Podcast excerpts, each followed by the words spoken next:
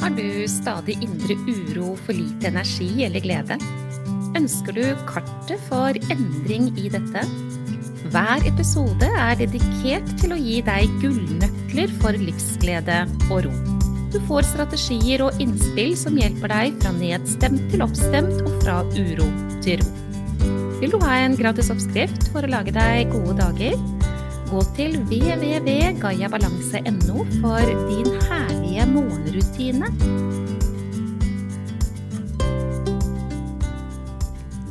I denne episoden skal jeg dele et uh, triks med deg, eller i hvert fall et tips, for å forholde deg til tankene dine på en måte som uh, gir deg mye mer ro. Nå mener ikke jeg at det å få det stadig roligere i hodet er en sånn quick fix og enkle løsninger. Det er det ikke. For årsaken til de tankene som hele tiden kommer, da, og disse tilbakevendende tankene og disse her katastrofe- og kaostankene, som har en tendens til å øke alltid når vi har økt belastning, ikke sant? Fordi det er en del av stressreaksjonen vår. Jeg mener ikke at man kan endre på dette sånn på 1, 2, 3. Men av og til så kan man eh, la være å gå i dypet på det, hvis jeg kan si det sånn. Det er veldig lurt å gå i dypet på det for å skape en varig endring. For å hindre eller komme dit hvor disse tankene kommer stadig sjeldnere. Men eh, denne episoden her gir deg et eh, triks, et tips, som du kan bruke i tillegg til å jobbe litt mer på dypet, hvilket alle mennesker egentlig trenger å gjøre. Men aller først, hva gjør du egentlig med tankene dine?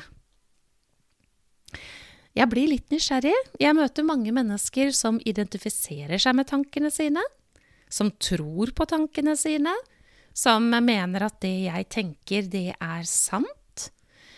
Noen sier jo ja, men det, jeg er jo et menneske, så tanker kommer og går. De har en helt annen relasjon til tankene sine enn de som griper tak i tankene og elter og velter seg rundt i tankene sine. Men ta still deg selv det spørsmålet hva gjør du med tankene dine egentlig? Nå er det en sannhet at uh, alt stress, det starter i tanke. Det du tror på, det får en konsekvens helt til cellenivå i kroppen din. Og da er det ikke cellene ytterst i storetåa jeg snakker om, jeg snakker om cellene i hele kroppen din blir påvirket av de tankene du tror på. Eksempelvis hvis du tror på jeg kommer til å bli avslørt som ikke god nok dersom ikke jeg får til det her.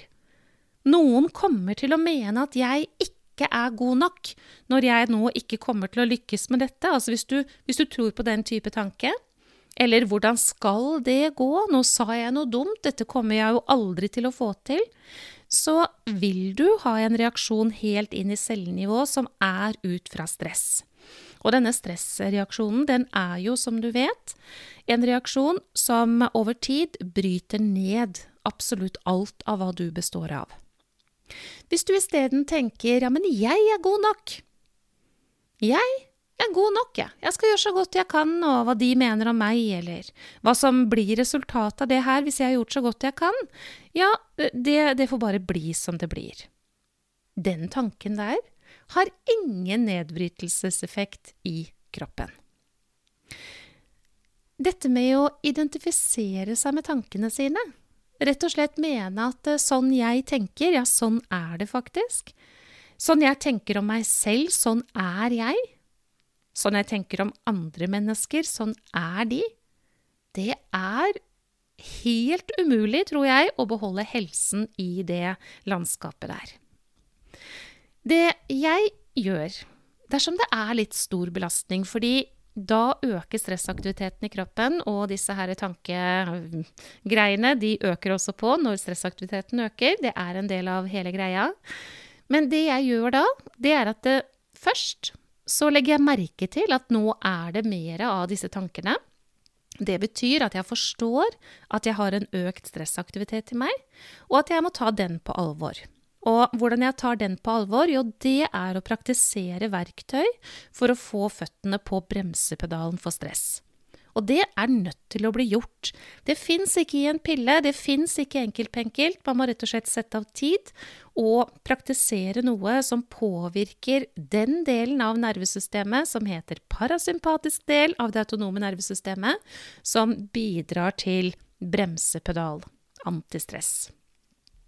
Så det, det, forstår jeg. Når dette øker på, ja, ok, da er det økt belastning, og jeg må da gjøre noen ting for å få bremsepedalen inn, sånn som jeg liker å se det. Det gjør jeg hver gang, og det Jeg sitter alltid igjen med det samme resultatet. Det tar ikke lange tiden før roen kommer, økt ro, og at det stilner mer i sinnet. Men det jeg gjør i tillegg, fordi det tar jo litt tid, ikke sant? Så det jeg gjør i tillegg, det er å forestille meg at jeg er plassert et sted i naturen hvor det er rennende vann. Jeg har, eh, når jeg bare sier det her til deg nå, så får jeg det bildet i hodet som jeg som oftest bruker. Og det er at jeg er inne i en skog, og der er det en bekk. Men det kunne ha vært ved en foss, ikke sant? Jeg vet ikke, Hva slags bilde er det du får opp i ditt sinn hvis du tenker på i skogen og ved vann? Kanskje har du et minne, eller du kan skape det i hvert fall som en forestilling i deg selv, at du ser dette for deg, har kontakt med det, tenker på det. Og det jeg gjør da, når jeg henter dette bildet, det er at jeg ser for meg at jeg står ved den bekken, og så bare lar jeg alle tankene som kommer, få lov til å finne veien ned i den bekken. Så alt det som jeg har bekymret meg for, alt det som jeg syns er strevsomt i toppetasjen, det bare ser jeg for meg at jeg legger i bekken, og så lar jeg det vannet i bekken få lov til å ta dette med seg nedover i bekken. Og det som er så nydelig med akkurat det bildet der, det er at når jeg har tatt det ut av meg og lagt det i bekken, og jeg ser at det forsvinner bortover, så forstår hjernen min at dette er utenfor meg selv.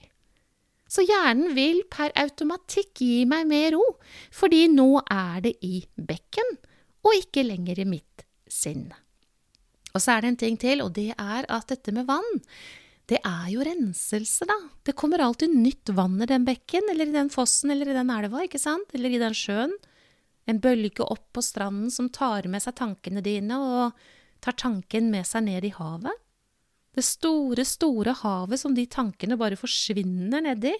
Går ikke an å fange dem igjen med håven engang, for det, er, eh, det, det, er, det bare løses opp i det havet. Det er noen muligheter her, altså. Grunnen til at dette fungerer så godt, det er at hjernen vår er veldig styrt ut fra bilder. Hjernen lagrer veldig mye informasjon i bilder hos de aller, aller fleste mennesker. Og når vi lager et sånt bilde, eller du gjør det, da, med at du bare kan stå der, eller ligge der på stranda, eller sitte der ved elva, eller hva du gjør, og bare legge tankene dine ned i det vannet, så har du fortalt at tankene kan få lov til å være utenfor deg selv. Og med det så blir det mer ro. Skal jeg fortelle deg en ting? Når jeg sitter her og deler det her med deg nå, så kjenner jeg at uh, jeg er tung i kroppen og at hodet mitt er veldig, veldig rolig, og at jeg er egentlig bare til stede i det jeg holder på med. Det blir ro. Det er helt nydelig. Hvis du nå eh, har lyst til å si til meg, du Monica, jeg eh, ser ikke Jeg har ikke bilder lagret, jeg er ikke en av de som er visuell da, for det er det det heter. Nei, men går det an for deg å hente opp en følelse av hvordan det ville ha vært, da? Og vært plassert ved et vann. Og så bare legger du tankene dine ned i vannet og tillater at vannet bare får det til å flyte av gårde. Er det mulig for deg da å hente frem følelsen av det? Det er jeg ganske sikker på. For de som ikke er visuelle, de er veldig ofte mer av det som kalles for kinestetiske. Så bare øv på det, og legg merke til hva det er som skjer. Men la meg ha det sagt, det er ikke mulig for deg å komme dit du egentlig vil, kun ved en sånn teknikk, ved et sånt verktøy. Du må ha mer enn det. Du må mest sannsynlig ha hjelp til å få endret på disse sporene, disse mønstrene i deg selv, som er avgjørende for hvilke tanker du faktisk får. Og det er det jeg hjelper mennesker med hele tiden.